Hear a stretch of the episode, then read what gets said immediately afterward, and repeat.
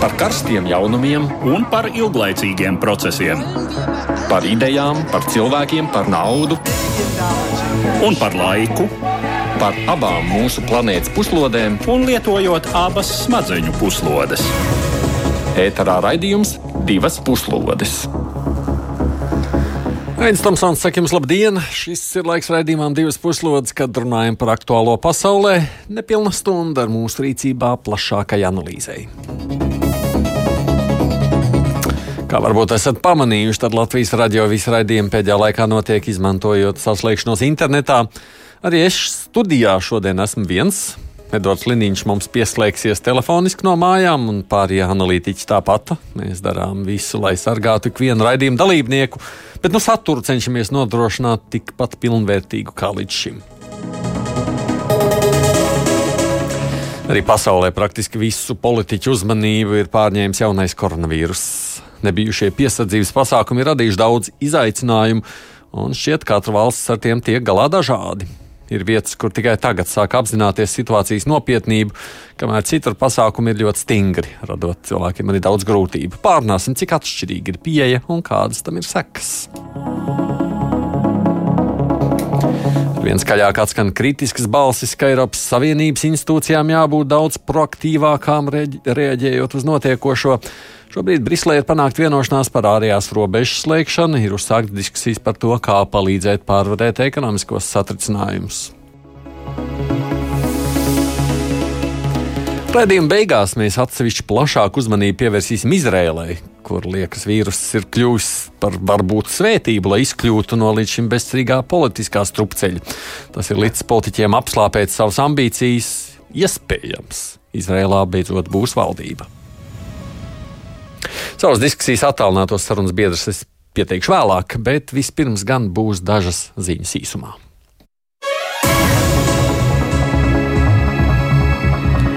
Ikgadējais Eirovīzijas dziesmu konkurss, kas bija paredzēts maijā Rotterdamā, ir atcelts, ņemot vērā neskaidro situāciju koronavīrusa epidēmijas dēļ. Konkursu noris bija paredzēts no 12. māja līdz 16. maijam. Organizatori norādījuši, ka līdz šim ir izsvērti vairāki konkursu norises varianti, tomēr Covid-19 izplatība ir likusi Eiropas raidorganizāciju apvienībai pieņemt lēmumu konkursu atcelt vispār. Tas ir pirmais gadījums konkursa daudzu desmit gadu vēsturē, kad tas tiek atcelts. Pasākuma organizatori turpināšot pārunas ar Rotterdamu par tās iespējām konkursu uzņemt nākamajā 2021. gadā. Lielbritānijā lielie pārtikas veikalu tīkli ir noteikuši ierobežojumus pirkumiem. Šādi reaģējot uz pircēju paniku, jo veikali izpirkt tiekot tukši. Lielbritānija bija viena no tām dažām valstīm, kas cerēja pārdzīvot epidēmiju, neieviešot īpašas karantīnas pasākumus. Tomēr arī Britiem ir nācies atzīt, ka šāda pieeja bijusi kļūdaina. Premjerministrs Boris Džonsons gan centies pārliecināt, ka nav iemesla veidot lielus krājumus mājās un ka pārtiks rezerves ir drošas. Tomēr aicinājums bija par vēlu. Dažos veiklos nedēļas vidū varēja vien atrast saldējumu un lieldienu olas. Tagad Tesko tīklā dažas preces ļauj iegādāties tikai par divām, arī makaronu, tolets papīra iepakojumus, ilgtermiņa pienu. Tikmēr bažām pieaugot, valdībai nāks ieviest ar vien stingrāks ierobežojums. No piekdienas arī Lielbritānijā slēgts visas skolas uz nenoteiktu laiku, vairs nekursēs metro. Paredzams, ka nākamajās dienās ierobežojumi varētu kļūt vēl bargāki. Līdzīga situācija var veidoties Krievijā. Arī tur līdz šim ir vērota salīdzinoši relaksēta attieksme pret vīrusu posīšanos pasaulē. Tomēr jau no pirmdienas vismaz trīs nedēļas visas skolas būs slēgtas. Tiek meklēts iespējas nodrošināt tālmācību, bet vienotie eksāmeni jau pārcelt uz jūniju. Oficiāli Krievijai ir apstiprināta ap nepilnu 200 saslimušo. Tajā pašā laikā atzīstot, ka vairākos desmitos gadījumu inficēšanās ir notikusi jau valsts iekšienē, un šī iemesla dēļ daudz eksperti apšauba oficiālos ciparus, paužot bažas, ka situācija ir sliktāka nekā mēs zinām. Infekcijas izplatīšanās risku dēļ ir atcelts sporta sarīkojumi un koncerti, slēgti muzeji un kinoteātri, Visstingrākie ierobežojumi noteikti ir galvaspilsētā Maskavā, kur aizliegti ir jebkādi masu pasākumi ar vairāk nekā 50 cilvēku piedalīšanos. Arī Krievijas veikalos no plauktiem ir pazuduši putraimi, sāls, konservi. Tikmēr Itālijā situācija vissarežģītākā. Pagājušās dienas laikā vien nomirs gandrīz pustūkstots cilvēku, un saslimušo skaits joprojām strauji aug. Diemžēl daudz cilvēku joprojām arī ignorē ieviestos ierobežojumus, tādēļ varas iestādes apsver iespēju noteikt vēl stingrākus pasākumus. Lombardijā, kas ir smagāks kartais Itālijas reģions, 40% cilvēku turpinot pārvietoties apkārt. Tā, atsaucoties uz mobilo telefonu operatoru sniegtiem datiem, pavēstījis ir Lombardijas reģiona veselības komisārs Giulio Gallera. Valstī jau kopš 10. mārta ir spēkā diezgan stingri ierobežojumi, taču nedēļas laikā policija apturējusi ir vairāk nekā miljonu cilvēku un izvirzījusi apsūdzības gandrīz 45 tūkstošiem par jauno noteikumu pārkāpšanu. Sociālajos medijos publiskotie attēli liecina, ka Milānā dienas noslogotākajās stundās metro joprojām pilns ar cilvēkiem.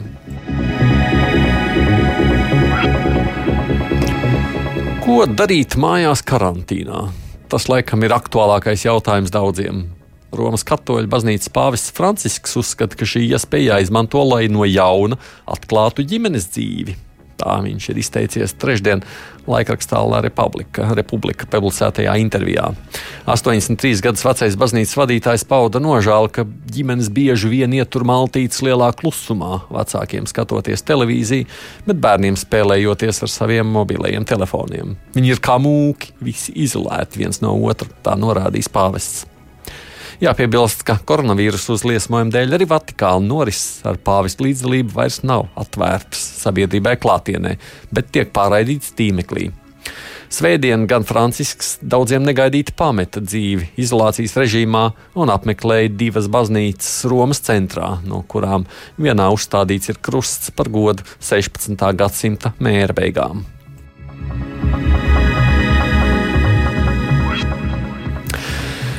Par pandēmiju tad arī turpinām, bet vispirms ar tādu skatu no plašākas perspektīvas, kā viss izskatās Eiropas Savienības kontekstā.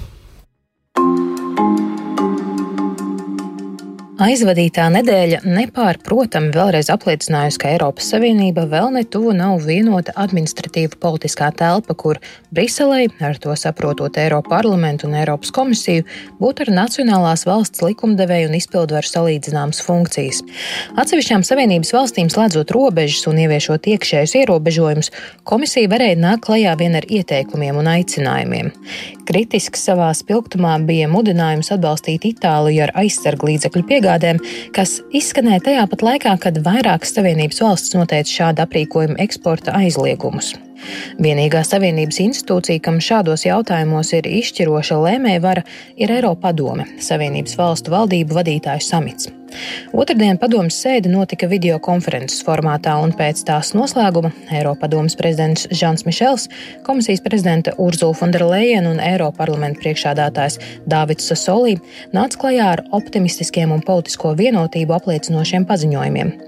Dalību valstis cenšas labot savu sautīgumu un koordinācijas trūkumu, paziņoja Dāvids Sasolī. Šo deklarāciju pamatā ir pāris konkrētu lēmumu. Eiropadoma pieņēma Eiropas komisijas dienu agrāk izvirzīto priekšlikumu uz mēnesi slēgt ieceļošanai Schengen zonas ārējās robežas, kam vajadzētu motivēt atsevišķās dalībvalstis ātrāk atcelt pēdējās dienās īstenoto iekšējo robežu slēgšanu.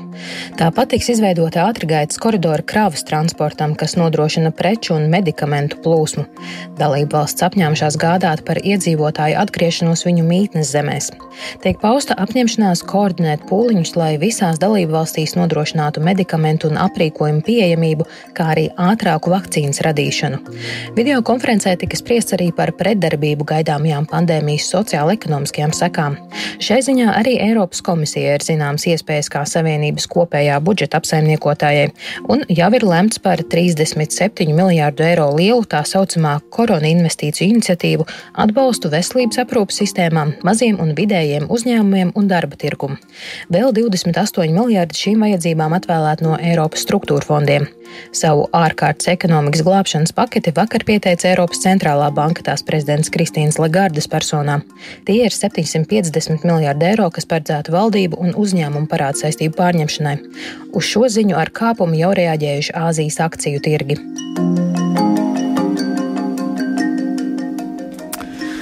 Šobrīd telefoniski mums ir pieslēgušies Eduards Liniņš. Sveiks, Eduard! Labdien! Jā, es ceru, mūs dzird arī Andris Sedlnieks, kurš publicējas laikrakstā dienas. Sveiks, Andi! Un pie trešās klausulas ārpolitikas institūta pētnieks Aldis Austers. Aldi! Labdien! Labdien! Kurš pie kuras klausulas es nemaz nezinu, man arī jau nav jāzina. Visi trīs esat ēterā, un tā mēs arī šajā stundā būsim. Sākot no tās kopējā skatu punkta lūkojoties, jūsuprāt, cik pamatot vispār ir tā kritika, ka Eiropas Savienības institūcijas nav bijušas elastīgas un pietrūkst tādas kopējās koordinācijas un proaktivitātes? Aldi, sāksim ar jums. Jā, nu, pamatumi ir vietā, bet jāsaprot arī tas, ka Eiropas Savienības institūcijas patiesībā nav domātas krīzes situācijas risināšanai. Šādas pandēmijas um, izplatība, kas saistīta ar sabiedrības veselību, ir principā dalībvalsts kompetence. Dalībvalsts arī rīkojas. Um, tas, ko Brisele var nodrošināt, ir tikai, lai šī darbība būtu koordinēta, lai valstis necenstos vienu otru kaut kādā veidā apspēlēt šajā sacensībā, kurš ātrāk uh, norobežosies vai, vai ieviesīs kaut kādas um, citus nu, pasākumus, kam var būt nelabvēlīgs sekas pārējām dalībvalstīm. Tad sanāk, ka, tādi, ka tā, tā ir, tad, kad ir labi laiki, tad jau kaut kā sanāk, bet, kad ir sliktie, tad katrs pats par sevi apmēram tā. Nu, nu, tā tās, tā, tas tā, ģenētiskais koks, uh, kods um, Eiropas Savienībā ir. Nu, tad, kad um, nu, labos laikos tas ir nojaukt barjeras, lai attīstība ekonomiski varētu attīstīties. Un tam līdzīgi, bet tagad, kad ir krīze, tad, tad ir, protams, šeit nav tādu mehānismu. Eiropas Savienība nav domāta krīžu menedžēšanai, viņa ir domāta attīstības veicināšanai. Bet, Andi, neizklausās muļķīgi tas tā, ne? Nu, redziet, ja kāds pretendē uz uh, Eiropas būtībā valdības statusu un visu laiku demonstrē vēlmi paplašināt savas uh, pilnvaras un uh, teiksim, tā, varas loku, ja, tad uh, šis no akurāti bija tas gadījums, kad varēja pierādīt uh, savu pamatotību. Ja, teiksim, ka nevis teikt, ka tie ir kaut kādi liekēži vai Briseles birokrātija, ja, bet ka tā tiešām ir tāda rīcības spējīga institūcija. Un es piekrītu tajā ziņā, ka jā, veselības, teiksim, veselības aprūpas sistēmas tās ir dalību valstu kompetencē. Jā. Bet teiksim, pasākumu saskaņošana jā, par robežu slēgšanu, jā, par ekonomiskajiem koridoriem, par cilvēku pārvietošanos, nu, tās visas tomēr ir tā teikt, tās vērtības, kas tiek sludinātas kā pašas galvenās Eiropas Savienībā. Un, ja pēkšņi izrādās, ka Eiropas komisija vispār faktiski klusē un nesaka neko par šiem jautājumiem, un robežas katrs slēdz ciet, kā viņam ienāk prātā, ne ar vienu nesaskaņojot, nu, labi, ne gluži ne ar vienu nesaskaņojot, bet, teiksim, tā maz saskaņojot, tad tas. Uh, teiksim tā, liek šaubīties par šīs iestādes kompetencēm. Ja? Nu, tas ir labākajā gadījumā. Un tur radās stip, visai stipri jautājumi. Es saprotu, ka, uh, ja tu pretendē uz kādu teiksim, vadošu lomu, ja, tad uh, tu nevari būt tikai tas, kurš visus vadīs tikai pretī gaišajai nākotnē. Ja, tev ir jārēķinās arī ar nevaltām dienām. Un, ja ir kādas krīzes situācijas, tad uh, no šiem te, kas ved pretī gaišajai nākotnē, tiek prasīta rīcība arī šādās situācijās. Mm. Bet šoreiz šāda rīcība ir nu, teiksim, tā, stipri novēlota un uz, liek uzdot ļoti daudz jautājumu. Mm, jā, es šodien arī pirms stundas mazliet vairāk vadīju raidījumu krustpunktā, kurā mēs spriedām par to situāciju, kāda veidojas ekonomikā. Un, nu, faktiski biznesa un arī ekonomikas ministrijas pārstāvi atzīst, ka šobrīd visstrakākā situācija tieši uh, dēļ loģistikas. Viss iesprūst uz robežām, neiet uz priekšu, un izskatās, ka tas varētu radīt vairāk problēmas nekā, nekā citas lietas. Edvard, ko tu domā par šo visu? Nu, te ir vairāki faktori, uh, un, uh, protams, Anna teiktajā izskanēja izteikti teiksim, eiro skeptiskas vai pat, eh, vai pat teiksim, eh, eiro nihilistiskas notis. Bet um, es gribētu. Andris varēs uzsvērt, protestēt, ja gribēs. Labi. Es gribētu uzsvērt vairākas lietas. Nu, pirmkārt, ir jāsaprot, ka Eiropas Savienība, ko es jau daudzkārt arī esmu teicis, ir tāds um, bezprecedenta politiskais veidojums pasaules vēsturē. Uh, tas atrodas tapšanas un formēšanās stadijā, un tur ir uh, soļi uz priekšu un soļi atpakaļ ir virzība eh, centralizācijas virzienā, kuru pārstāv daži politiskie spēki, kuru pārstāv um, atsevišķas personības, uh, kur dažādām valstīm ir dažāda nostāja par to, kā um, un cik tālu iet šai integrācijā vai pat federalizācijā. Um, un ir tātad attiecīgi arī pretējā tendence. Un uh, viens ir tas, ka šobrīd uh, tieši varbūt kādos pēdējos um, nu, piecos, varbūt pat desmit gados uh, pēc uh, ļoti nu, teiksim, optimistiskas virzības. Uh, gan uz uh, Savienības robežu paplašināšanu, tātad jaunu dalību valstu uzņemšanu, gan uh, uz ciešāku integrāciju, tā izskaitā uh, Eiropas vadošo centrālo institūciju lomas palielināšanu, nu šobrīd ir zināms uh, pretējs vektors varbūt. Un, uh, Tā ziņā nu, jā, nu, tās, ir, tās ir ļoti, tās būtībā ir tendences, kuras nosaka Eiropas sabiedrības un to nostāja. Bet tas, kas šajā gadījumā sevi pierādīja, ir tas, ka nu, nu nav nekādas mums eh, joprojām eh, visu nosakošās un visiem kaut ko diktējošās Briseles. Tas ir eh, būtībā mīts, ka vienīgā institūcija, kur joprojām tiek pieņemti uh, visbūtiskākie lēmumi, tā ir uh, Eiropadome, tā ir tātad Eiropas valdības gal, valdību galvu uh, sanāksme, uh, kura, uh, kur faktiski neatkarīgi no valsts lieluma katrai valstī ir viena balss, uh, lai tā būtu Malta vai Latvija vai Vācija vai Spānija. Jā, bet es, un, nu labi, tā ir viena un, lieta. Un vēl viens, vēl viens faktors, protams, ir tas, ka ir, šī ir bezprecedenta krīze. Eiropa uh, ar kaut ko tādu saskārās pirms uh, simts gadiem. Pēdējo reizi es teiktu, uh, tātad es runāju par uh, slavenās spāņu gripas epidēmiju. Toreiz nebija vispār nemiņas no kaut kādas Eiropas uh, vienotas politiskas struktūras, uh, un uh, tiešām katrs bija par sevi. Tagad es teiktu, tā nu, ir arī augušas mūsu ambīcijas, un tajā, ko Andris teica, izskan tas, uh, no otras puses, ka mēs tā kā sagaidām kaut ko. Uh, kaut ko daudz vairāk, varbūt arī no šīm Eiropas centrālajām institūcijām. Uh, tajā pašā laikā nu, tie instrumenti ir tie, kas ir. Uh, viņu, viņu rokās nu, ir finanšu, zināmi, zināmi finanšu instrumenti. Bet, kā jau arī teicu jau iepriekšējā mūsu raidījumā, tad um, nozīmīgākie instrumenti ir nevis Eiropas uh, komisijas, bet gan Eiropas centrālās bankas rokās. To mēs arī redzam šo skaitļu lielumā. Ja? Bet nu, es redzu, ko klausītāji raksta. Kristis saka, bet tas liekas trakums, ka katra valsts šobrīd dara pa savām, nospļaujas uz visiem pārējiem. Kur tad ir tā slavenā solidaritāte Eiropas? Savienības valstu savienība. Mārtiņš te raksta, Jā. ka viņš savukārt, piemēram, nodarbojas ar koku kok materiālu pārstrādi eksportu. No vienas puses, labi, it kā šķiet jau nu, viss saka, ka šim te preču kustībai nav ierobežota. Tajā pašā laikā Franči tiešām mums ir aizlieguši šobrīd kravas plūsmu. Ko pārējie saka par šo? Nu jā, nu te būtu jāpiebilst, uh, nu, ka, uh, ka nebūtu jau tā, ka Eiropas komisija nebūtu rīkojusies. Nu, bija tur gan uh, dažādas iniciatīvas no Eiropas komisijas puses, uh, no Fonda Lainas, mēģinājumi mazināt, protams, šo spriedzi starp dalību valstīm un mazināt arī vēlmi rīkoties pašiem savu roku. Bet, nu, jā, bet tā problēma ir, ka tas um, visu laiku ir atdūries pret, pret dalību valstu um, rīcību, tādu, tādu vienpusēju rīcību. Un, un, jā, tas, tas gadījums ar Poliju arī bija ļoti, ļoti spilgts piemērs, ka Polija noslēdz savus robežas un tālāk mūsu valsts pilsoņiem ir būtisks problēmas atgriezties uh, mūsu valstī. Tas pat bija arī attiecās Igauniem un Lietuviešiem.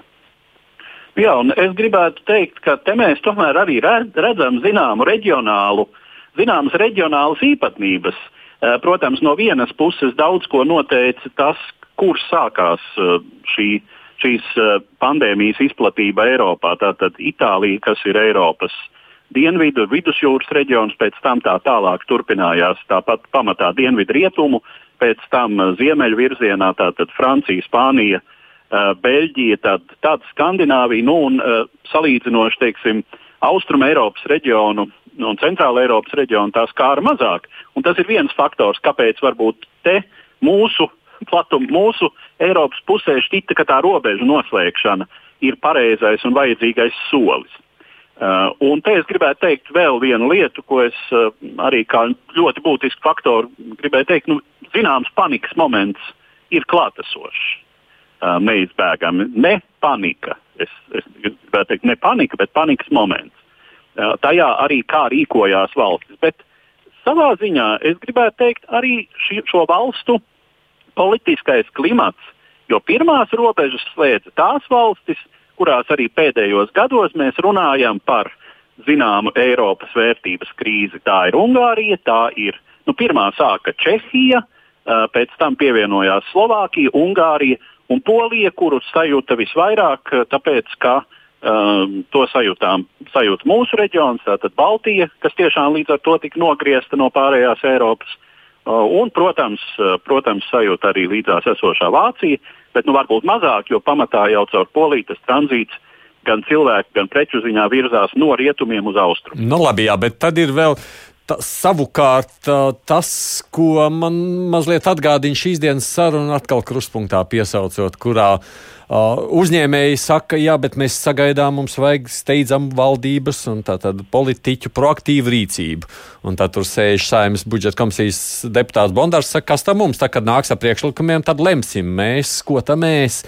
Nu, vai nav tā, ka apmēram šeit kaut ko līdzīgu redzam? Andi, es gribu vēl tev kā nihilistam prasīt. nu, es neteikšu, ka es esmu nihilists. Man vairāk teikt, šo neizpratni raisīja fakts, ja, kad teiksim, Eiropas uh, Savienība dažādos līmeņos nedarīja to, kas viņai principā pēc spēkā esošajiem spēles noteikumiem, neatkarīgi no tā, vai tur uh, runa ir par federalizāciju, centralizāciju vai pilnvaru atgriešanu valstu rokās. Ja. Bet, nu, ir tomēr teiksim, par preču kustību jāsaucās, uh, pastāv visa Eiropas vienošanās, un tas ir tāds kā svēts pasākums. Un, ja tā teikt, ar lielu vilcināšanos un kaut kad tikai tad, kad sākās teiksim, vētrains sašutums, tiek mēģināts kaut ko darīt šajā lietā, bet teikt, visi, tā, visi tie priekšlikumi izskan tik vārgi un uh, nemanāmi. Ja, kad uh, viņus patiesībā būtībā tiek, var ignorēt, ja, tad nu, tas, es vēlreiz atkārtošu, manuprāt, tas neizskatās gluži nopietni, bet es Slimīgam iebildīšu, tas nebija par nihilismu vai eiroskepticismu, tas bija pamatots sašutums, es pat teiktu, ja, kad vienkārši ja cilvēki nedara to, kas, no viņ, kas viņiem būtu jādara pēc esošajiem spēles noteikumiem, tad kaut kas nav gluži kārtībā ar to visu. Mm. Tas ir jā, viens, jā. un kāds bija pirmais jautājums? Nē, nē, nē nu, tā, tā doma ir, ka vajag to proaktīvāku rīcību. Tas jau par to pašu vien ir, ja ko tu saki.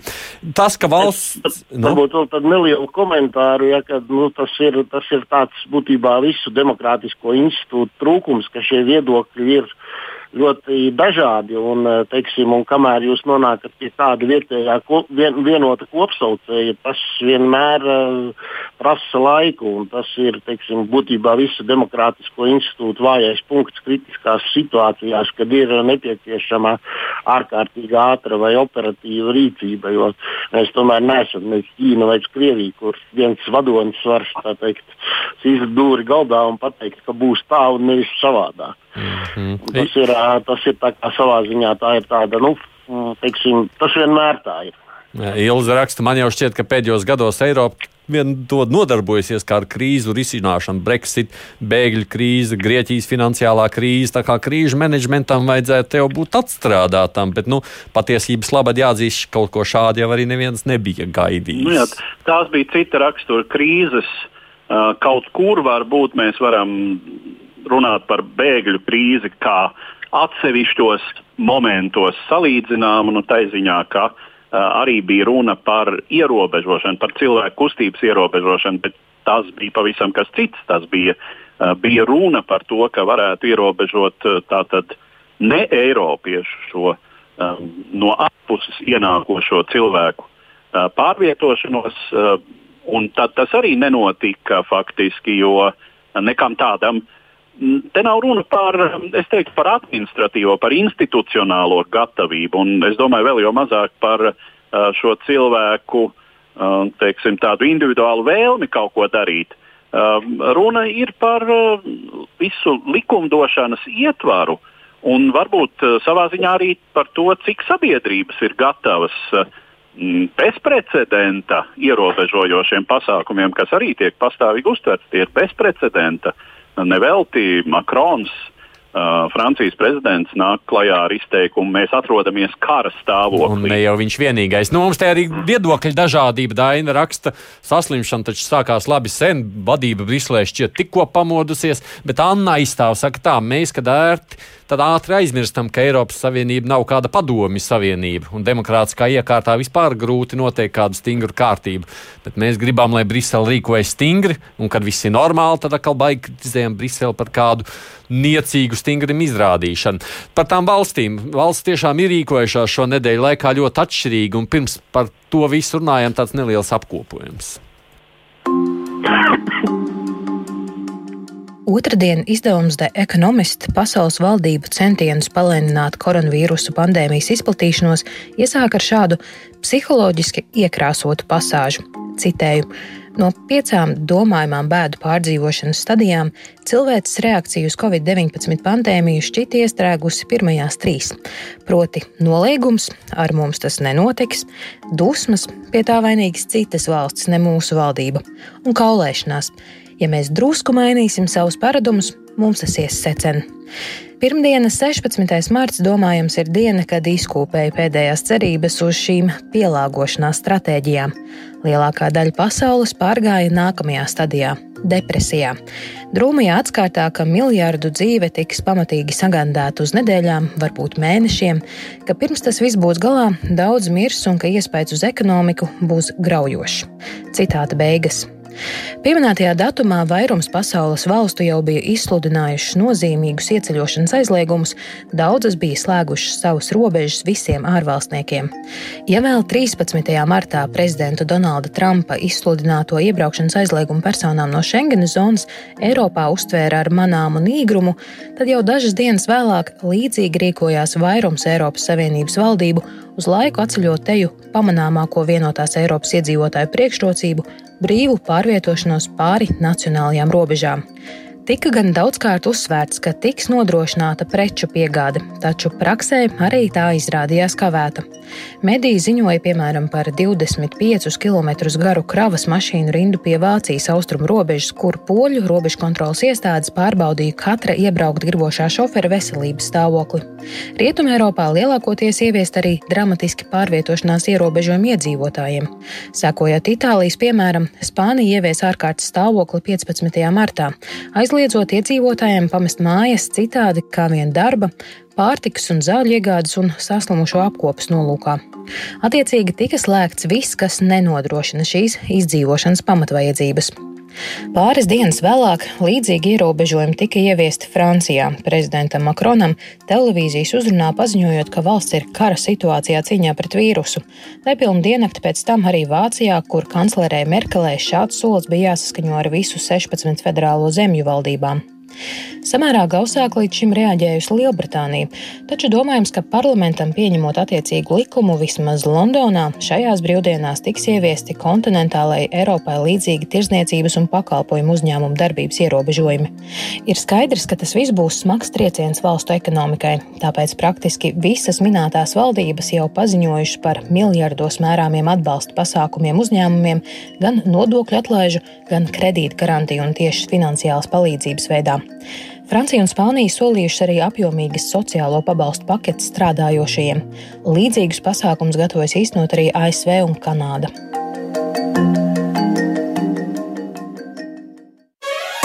Divas puslodes vērojot to, kas te visās šajās dienās ir noticis, nu, interesanti bija tās dažas valsts, kuras sākumā centās nu, visvairāk cīnīties pret paniku. Tā bija Zviedri un Briti sakot, nu, gan jau izslimos, viss pāries. Uh, pēc tam tur līdzīgā situācijā bijusi Krievija. Nu, faktiski tagad laikam tikai vēl Baltkrievijas uh, prezidents palicis, kurš smīkņā par to notiekošo. Uh, tas Man nozīm... iesaka šņabīties. bet tas nozīmē, ka... Ne tikai ārēji, ārīgi, bet arī iekšķīgi ielietot, jā. nozīmē, ka viņi tā kā pārreķinājušies šīs te valsts, viss ir Aldi, kā tu domā? Ne, nu, te jāsaka, nu, tā, atbildot uz Sednēkunga um, komentāru par to demokrātiju problēmu. Demokrātijas pieņemt izšķirošs lēmums tādās krīzes situācijās, jāsaka, tajās valstīs, kurās pie vārs ir autokrāti, patiesībā no tās slimība nav aizgājusi, vismaz saskaņā ar viņu retoriku. Um, tad, Jā, Baltkrievijā nav nekā. noliekšana. Jā, Jā, Baltkrievijā. Krievijā nav, Irānā nav. Mēs tikai redzam uh, no satelītiem, ka ir mas, masveida kapi tiek veidoti Irānā, bet oficiāli jau uh, Irānas valdība nav paziņojusi, ka viņiem būtu uh, saslimšanas bijusi. Kas Jā. nozīmē, ka vienkārši tur ir, nu labi, bet Zviedrija un Briti nevarētu minēt pie šīm Jā, nu, valstīm. protams, protams, vienkārši tur tā, autoritārās valdības slēpj, slēpj šos faktus, lai vienkārši ne, neizraisītu sabiedrības sašutumu un, un kaut kādā veidā neapdraudētu savas pozīcijas. Un demokrātijās, protams, tas viss ir savādāk. Bet ir informācijas brīvība un, cilvēki spēj sekot līdzi notikumiem. Un, un tāpēc valdības nu, jā, ir uh, rīkojas savādāk. Viņas, um, aicina um, cilvēkus uh, atturēties no kontaktiem un tam līdzīgi. Bet nu, jāsaka tā, ka patiesībā tā situācija ir tiešām bijusi nokavēta Eiropā, un robežu slēgšanā šobrīd vairs nav jēgas vairāk. Ja slimība ir nokļuvusi, iekļuvusi valstīs iekšā, tad ir tikai ir jāizmanto citas metodas. Tā pati, piemēram, uh, distancēšanās, sociālā dažādu pasākumu ierobežošana, bet uh, robežu kontrolēm šobrīd vairs nav īpaši jēgas. To vajadzētu darīt uh, mēnesi atpakaļ, tad jā, tam tad būtu bijis efekts, bet ne šobrīd vairāk. Bet vienīgais ir, piemēram, no tā paša Baltkrievijas reiz jau viņi ir tur citi pārējie apslēgu, aizslēguši viņu robežas, ieskaitot Krieviju, tad viņiem jau viņi tur tādā izolācijā nonāk paši neko nedarot. Arī labi. Nu, ja tā slimība nav bijusi iekšpusē nonākusi, tad, tad, tad arī tas tam ir jēga, bet man liekas, ka arī Baltkrievijā un Krievijā arī šī slimība ir jau konstatēta. Krievijā gan ir, Krievijā šodien arī viens ir miris. Sandi, ko tu domā par šo atšķirīgo pieeju? Nu, es, nu, es domāju, jā, tas ir, pirmkārt, tas tiešām ir saistīts ar sabiedrības reakciju, uh, un, teiksim, teiksim, katra valsts jau atsevišķi izvērtē cik lielā mērā tas, kā viņi uzskata, kāds tas apdraudējums ir. Jo nekādas tādas būtībā tieši viņiem, ja, jo nekādas tādas vienotas metodas, kā to noteikt, diemžēl nav. Ja. Un tā otra lieta ir par visām šīm robežu slēgšanām un visiem šīm ierobežošajiem pasākumiem. Man gribētos domāt, ka tie ir lielā mērā saistīti ar veselības aprūpes sistēmu kapacitāti. Jo, teiksim, jo šie pasākumi tomēr nepieļauj iesaucās teiksim, tādu plašu un strauju uzliesmojumu, ar kuru, ar kuru teiksim, veselības aprūpes sistēmas daudzos gadījumos vienkārši pie mums tomēr ir maksas apdrošināšana apdrošināšanas un tā tālāk, medicīnas. Un, un daudzos gadījumos viņas vienkārši nav spējīgas tikt galā ar lielu skaitu vidēji smago vai smagu pacientu. Ja. Nu, kā mēs redzam to tagad Itālijā? Piemēram, jā, un, Itālija ir tieši uzskatāms piemērs tam. Un es domāju, ka lielā mērā šī iemesla dēļ šie pasākumi, jā, tā, viņi ļauj izstiept laikā visu to notiekošo. Viņi tomēr samazinās šo inficēšanās gadījumu skaitu. Tas nenozīmē, ka uh, šī epidēmija vai pandēmija, ka viņā izpaliks un tā tālāk, bet nu, tēlēni izsakoties, viņu uz ekonomikas rēķina tiek izstiepta laikā. Es to tā mm. saprotu. Ja, bet... Tas tomēr ļauj izglābt iespējami vairāk cilvēku no tiem, kas nonāk šajā kritiskajā stāvoklī. Tostarp tos pazīmojušos ļaudis, kuriem es saprotu, bez speciālas aparatūras uh, neiztikt. Apmēram tā. Es, nu, jā, tā bet, es domāju, ka tas principā tas tomēr ir. Tas ir par to, protams. Vērtējums. Jā, bet skatoties tomēr uz to, kas tā darās tajā pašā Itālijā vai, nu jau jāsaka, Spānijā, kas meklē armijas palīdzību un pārējo, kas nozīmē, ka arī šīm valstīm nu, kaut kādā piespiedu kārtā nākas tagad uh, nu, darīt nedemokrātiskus bet nav jau citu variantu. Nav Teiksim, Ķīnu, Ķīnā, piemēram, man šķiet, nu pat šodien laikam bija ziņās, ka vispār nav neviena inficētā. Vai? Jā, šodien. Tas nav demokrātiski, diena. tas ir ievedot armijas, nosakot drakoniskus ierobežojošos pasākumus, ja, bet viņi šo pandēmiju faktiski ir apturējuši. Kas nozīmē, ka mēs tuvosimies tagad Ķīnai, ko saka Edvards? Nu, nē, nu, teiksim, leģitīms, demokrātiski uh, ievēlētu, demokrātiski ievēlētu likumdevēju, demokrātiskā procesā izveidotas valdības ieviesti pasākumi, kas ir paredzēti, kas ir paredzēti visu demokrātisko valstu satversmēs, konstitūcijās, likumdošanā, nu, tas nav nekas nedemokrātisks. To tā nedrīkst saukt. Eh, bet, protams, ka tas atspoguļo sabiedrības politisko klimatu, politisko garu, ka vispirms valstu vadītāji uh, vēršas ar uzaicinājumu sabiedrībai disciplinēties, saprast, eh, ievērot nosacījumus. Diemžēl, diemžēl, izrādās, ka faktiski visos gadījumos ir pietiekami daudz to, kuri uh, neņem par pilnu, ignorē, neņem nopietni. Uh, sava nozīme ir arī tam, ka īsti nu, ka šis ir ļoti mm, neveiksmīgs, uh, nelabvēlīgs gadījums pats par sevi. Šis ilgais vīrusu inkubācijas periods, kas neļauj ātri konstatēt saslimšanu.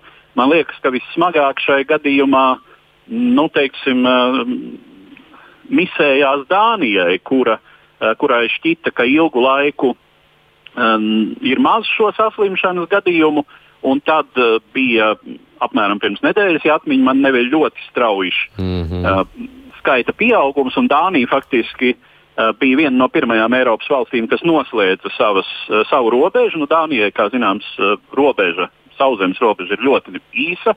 Tā ir tikai uh, robeža ar Vāciju, Ītlandes pussalā.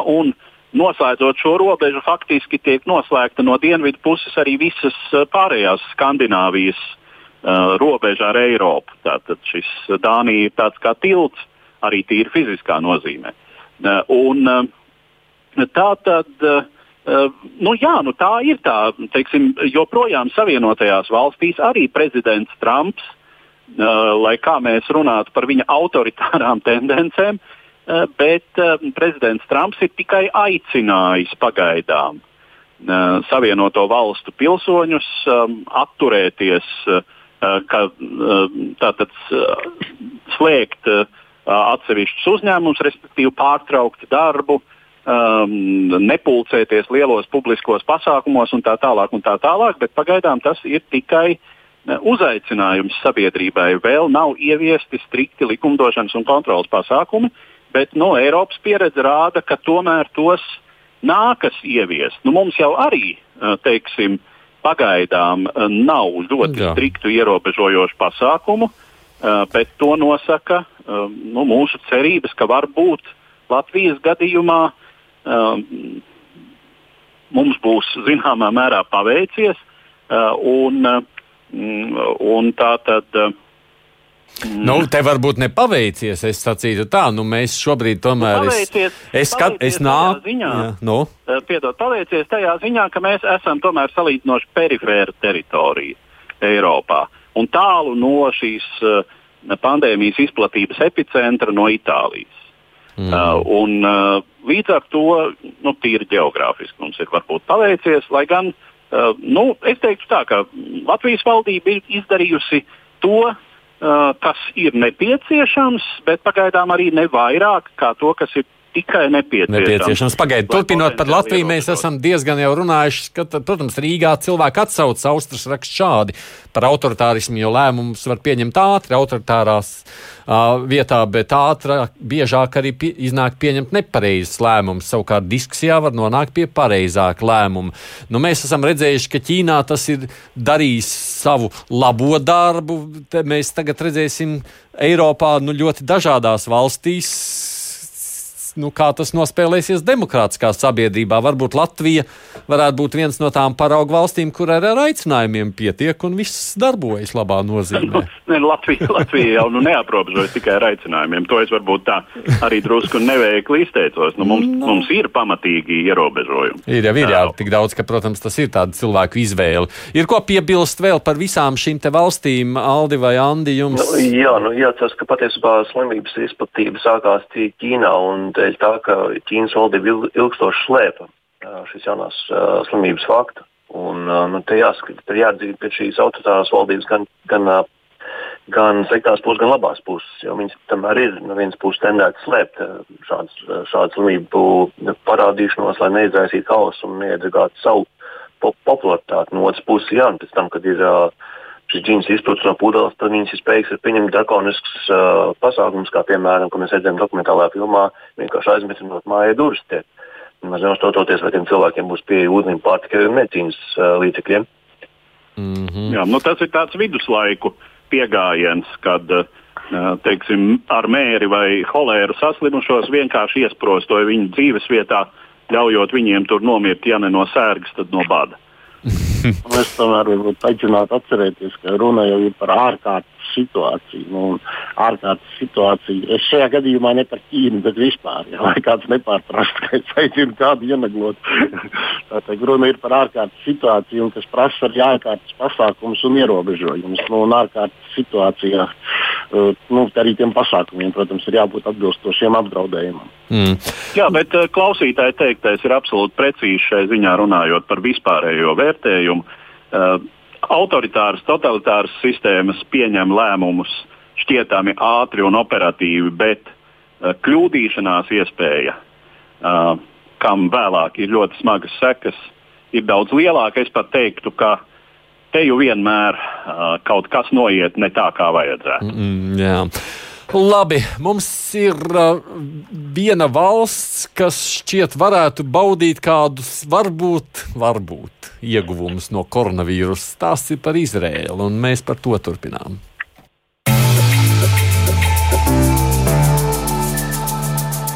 Svētdien Izraels prezidents Reubens Rivlins uzticēja valdības veidošanu līdz šim lielākās opozīcijas partijas zilais un baltais līderim Benijam Gansam. Tas kļuva iespējams pēc tam, kad parlaments ar minimālu nepieciešamo vairākumu atbalstīja Gensu savā ieteikuma balsojumā. Tomēr tas nebūtu nenozīmē, ka 61 deputāts, kas balsoja par, atbalstīs arī Gansa valdību, kas visdrīzāk tiktu veidota kā plaša kreiso un centrisko spēku spektra balstīts mazākuma kabinets. Sīkāk par politisko situāciju Izrēlā stāsta Izraels raidorganizācijas 9. kanāls ziņu dienesta galvenais redaktors Dmitrijs Dubovs.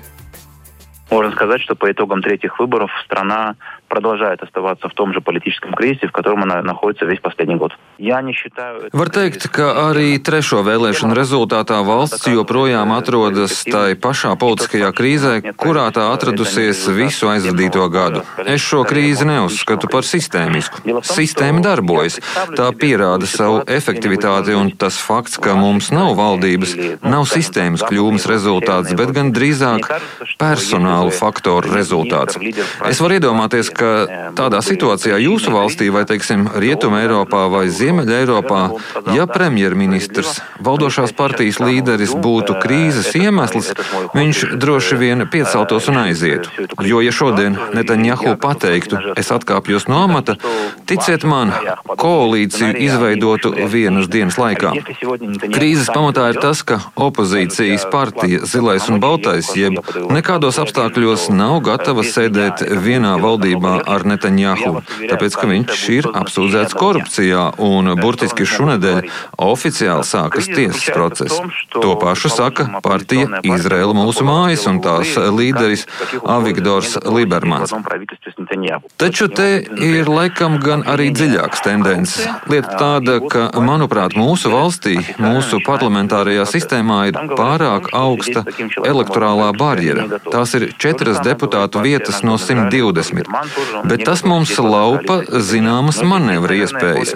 Attiecīgi ir stingri noformējušies bloki un nav tā zināmā X faktora, kas varētu nosvērt svaru kausu par labu vienai no pusēm. Nu, un laikam nedrīkst arī ignorēt noteiktas demogrāfiskas tendences, kā arābu izcelsmes izrēliešu, tā ortodoksālo ebreju vidē. Starp citu, tieši elektorālās barjeras paaugstināšanas rezultātā arābu izcelsmes izrēlieši pārvarēja savas iekšējās domstarpības, apvienojās vienā kopējā sarakstā, kas ik vēlēšanās iegūst arvien vairāk mandātu. Šobrīd šai apvienībai ir jau 15 mandāti, un problēma ir tā, ka šie 15 mandāti paliek aiz iekavām politiskajā spēlē. Teorētiski viņi var atbalstīt bloka Kohā-Levana mazākuma valdību, bet viņi nebūs šīs valdības daļa, nebūs valdības koalīcijā. Un arī tas būtu, kā saka, līdz pirmajam šķaudienam. Atkal sāks lidot raķetes uz Zderotas pusi, Izraels armija par atbildi bombardēs Gazas sektoru, un Arābu partijas šādu valdību vairs neatbalstīs. Tāpat ortodoksālās partijas, kuras, cik tas ir manā 30 gadu ilgajā pieredzē Izrēlā, arī patstāvīgi palielina savu ietekmi. Tas attiecīgi praktiski vienmēr atrodas barikāžu vienā pusē, labējā nometnē. Arī tas laupa sistēmai kopumā manevra iespējas всю общую систему некой свободы маневра. Никто из нас не может сейчас даже примерно представить, по какому сценарию будет развиваться дальше события. Э, мы, да, плюс... Neviens no mums šobrīd nevar kaut aptuveni stādīties priekšā, kā notikuma attīstīties tālāk. Mēs vairāk vai mazāk esam droši par to, ka Netanjahu labprātīgi neaizies. Viņš līdz pēdējiem aizstāvēs savas tiesības palikt premjera amatā, cik tālu saskaņā ar Izraels likumiem viņam ir tiesības palikt amatā līdz pat sprieduma pasludināšanai. Pie tam viņam nav pietiekami balsu, neskatoties uz to, ka viņš cenšas pierunāt opozīcijas pārstāvjus, tomēr kopīgi veidot Nacionālās vienības valdību. Teorētiski ir iespējama šķelšanās opozīcijas nometnē, kādam no turienes politiķiem pārējot pie Netanjahu, bet tā kā līdz šim tas divas reizes jau nav noticis, mēs visi šeit būtu visai pārsteigti, ja tas notiktu šajā reizē. Savukārt opozīcijai, lai izveidotu koalīciju, vajadzīgs jau pieminēto arābu partiju atbalsts, bet to ļoti negatīvi uztver Izraels sabiedrība. Pat starp Kohal Levana deputātiem ir vismaz divi, kas ir pret šo soli, arī citās šīs flanga partijās.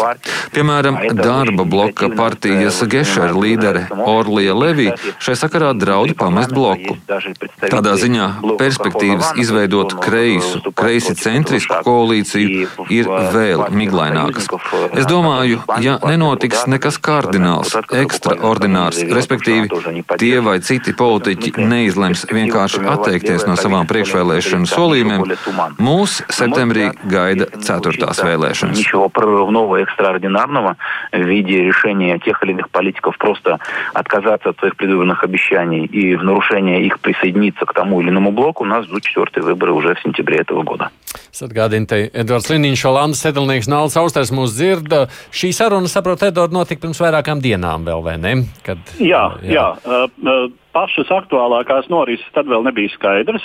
Vēl nebija faktiski šis um, mandāts uh, Gansa kungam veidot valdību.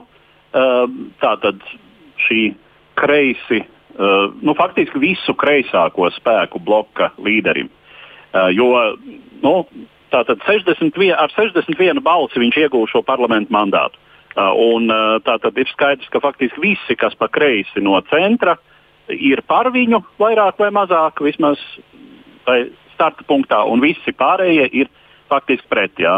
Uh, un uh, pašas jaunākā, paši jaunākie notikumi. Nu, uh, jāsaka, nezinu, vai Izraels valstī par to ļoti šaubos, bet Benjaminam Netanjahu patiešām koronavīrus ir izrādījies labs sabiedrotais, jo tātad partiju likud pārstāvošais parlamenta Uh, spīkers, uh, kurš ir savā amatā vēl kopš iepriekšējā sasaukuma, nevis uh, šī jaunievēlētā, ir apturējis parlamenta darbu. Tas notika vakar, un tāpat vakar uh, ir apturēta arī visu tiesu institūciju darbība.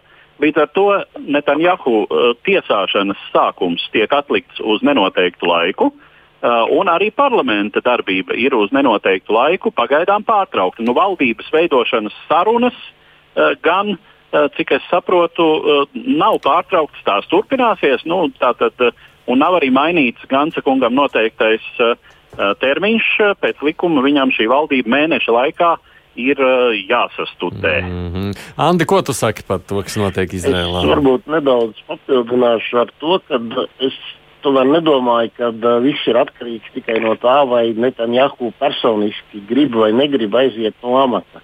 Jo neraugoties uz visām teiksim, šmucēm, kas viņu tur ir piemeklējušas, viņš Izrēlā ir uh, ļoti populārs.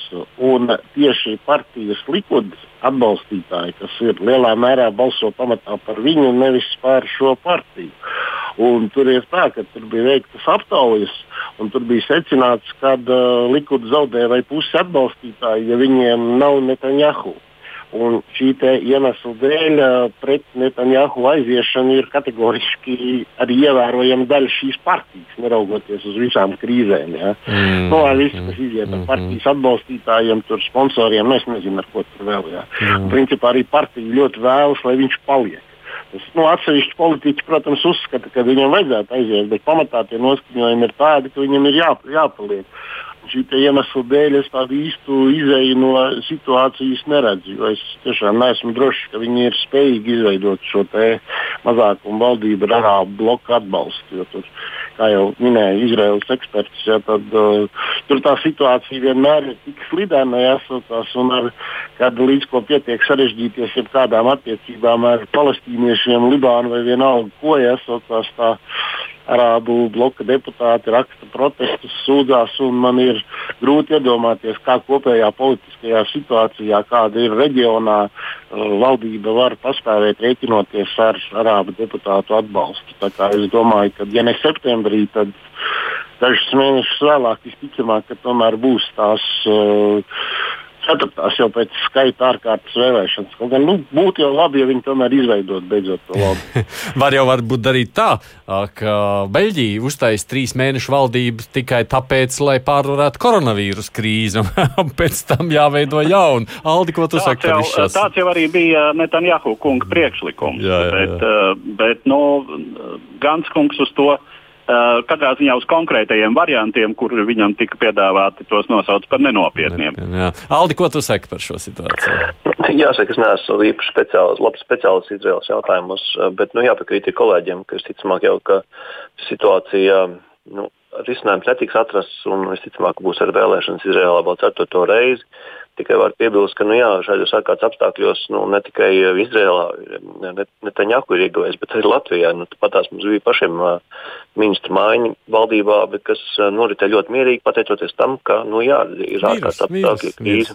Jā, politikā kaut kā tas kaut kādu labumu dod. Jā, jo, jo, teiksim, partijai partijai Zila Baltais, Kahola Van, bija konkrēts plāns parlamentā nobalsot par to, ka krimināla noziegumos apsūdzēta persona nevar būt premjerministrs. Uh, un, uh, tādas izredzes nobalsot gan bija, jo par to varētu balsot pat atsevišķi likuma deputāti. Uh, un, nu, tagad, lūk, vīrusiņš nekā. Bet jēgas ir kaut kādas, Sandi, no tādām, nu, balso atkal, nu, ceturto reizi. Nu, visu laiku jau apmēram tur patās pa pāris balsīm šur vai tur, bet vēl jau to pašu visu laiku. Nu, teiksim tā, ja raugās no tīra procesuālā viedokļa, no kaut kāda vē, nu, vērtību viedokļa, ja, tad process tiek ievērots, viss notiek demokrātiski. Uh, un pateikt, kas notiks, ja nebalsotu, arī ir ļoti grūti. Es, es nevaru iedomāties, ko, ko varētu tādu radikālu izdarīt. Ja saucās, nu, es nezinu, ka, kam varētu uzticēt tās pilnvaras izlemt, kurš tad tur īsti ir, ko tad īsti atbalsta iedzīvotāji. Nu, iedzīvotāji atbalsta pusi uz pusi. Nu, nu, jā, lai gan, lai gan nu, teiksim tā, nevar identificēt partijas Likud atbalstītājus ar Benjaminu Netanjahu atbalstītājiem. Jā, protams, liela daļa, un viņam ir Viņš ir spēcīgs politiķis, viņš ir ļoti autoritatīvs uh, un uh, liela taisnība ir tam, ko Andris saka, bet uh, no otras puses nu, tas būtu ceļš. Netanjahu pakāpties malā, kā arī to Dubovkungs teica, vai viņu vienkārši pabīdīt malā, ja viņš pats to nevēlas, un tad izveidot kopīgu politisko platformu gan Likud, gan Kaholavanu un arī mazākās partijas daudzas būtu gatavas uh, izveidot plašu, uh, nu visdrīzāk centrisku bloku. Nu, bet kamēr var šitā, tikmēr turpina, vai ne? Jo nākamās vēlēšanas viņš tikmēr ir pie varas joprojām un viss notiek. Uh... Nu, jā, nu, jā, un valsts jau uh, teiksim, valsts jau kopā turas sevi. Tāda valsts kā Izraela, Sabrats, kura gadu nav. desmitiem ārējas spiedienu dēļ ir spiesta turēties kopā. Paldies jums visiem trim, ka mēs varējām ar jums šādā veidā attālināt šodien sazināties. Edvards Liniņš No radio arī attālināti žurnālists Sandis Sedlnieks, kurš komentē dienā arī un ārpolitikas institūta pētnieks Alts Austers. Paldies jums! Starp citu, producēja raidījumu Ieva Zeiza arī šodien attālināts. Studijā bija tikai es, Aidis Tomsons, bet nu, raidījums līdz ar to izskan. Saka, sadzirdēšanos atkal nākamreiz lūkosim, kāda situācija būs mainīsies nedēļas laikā. Divas puslodes!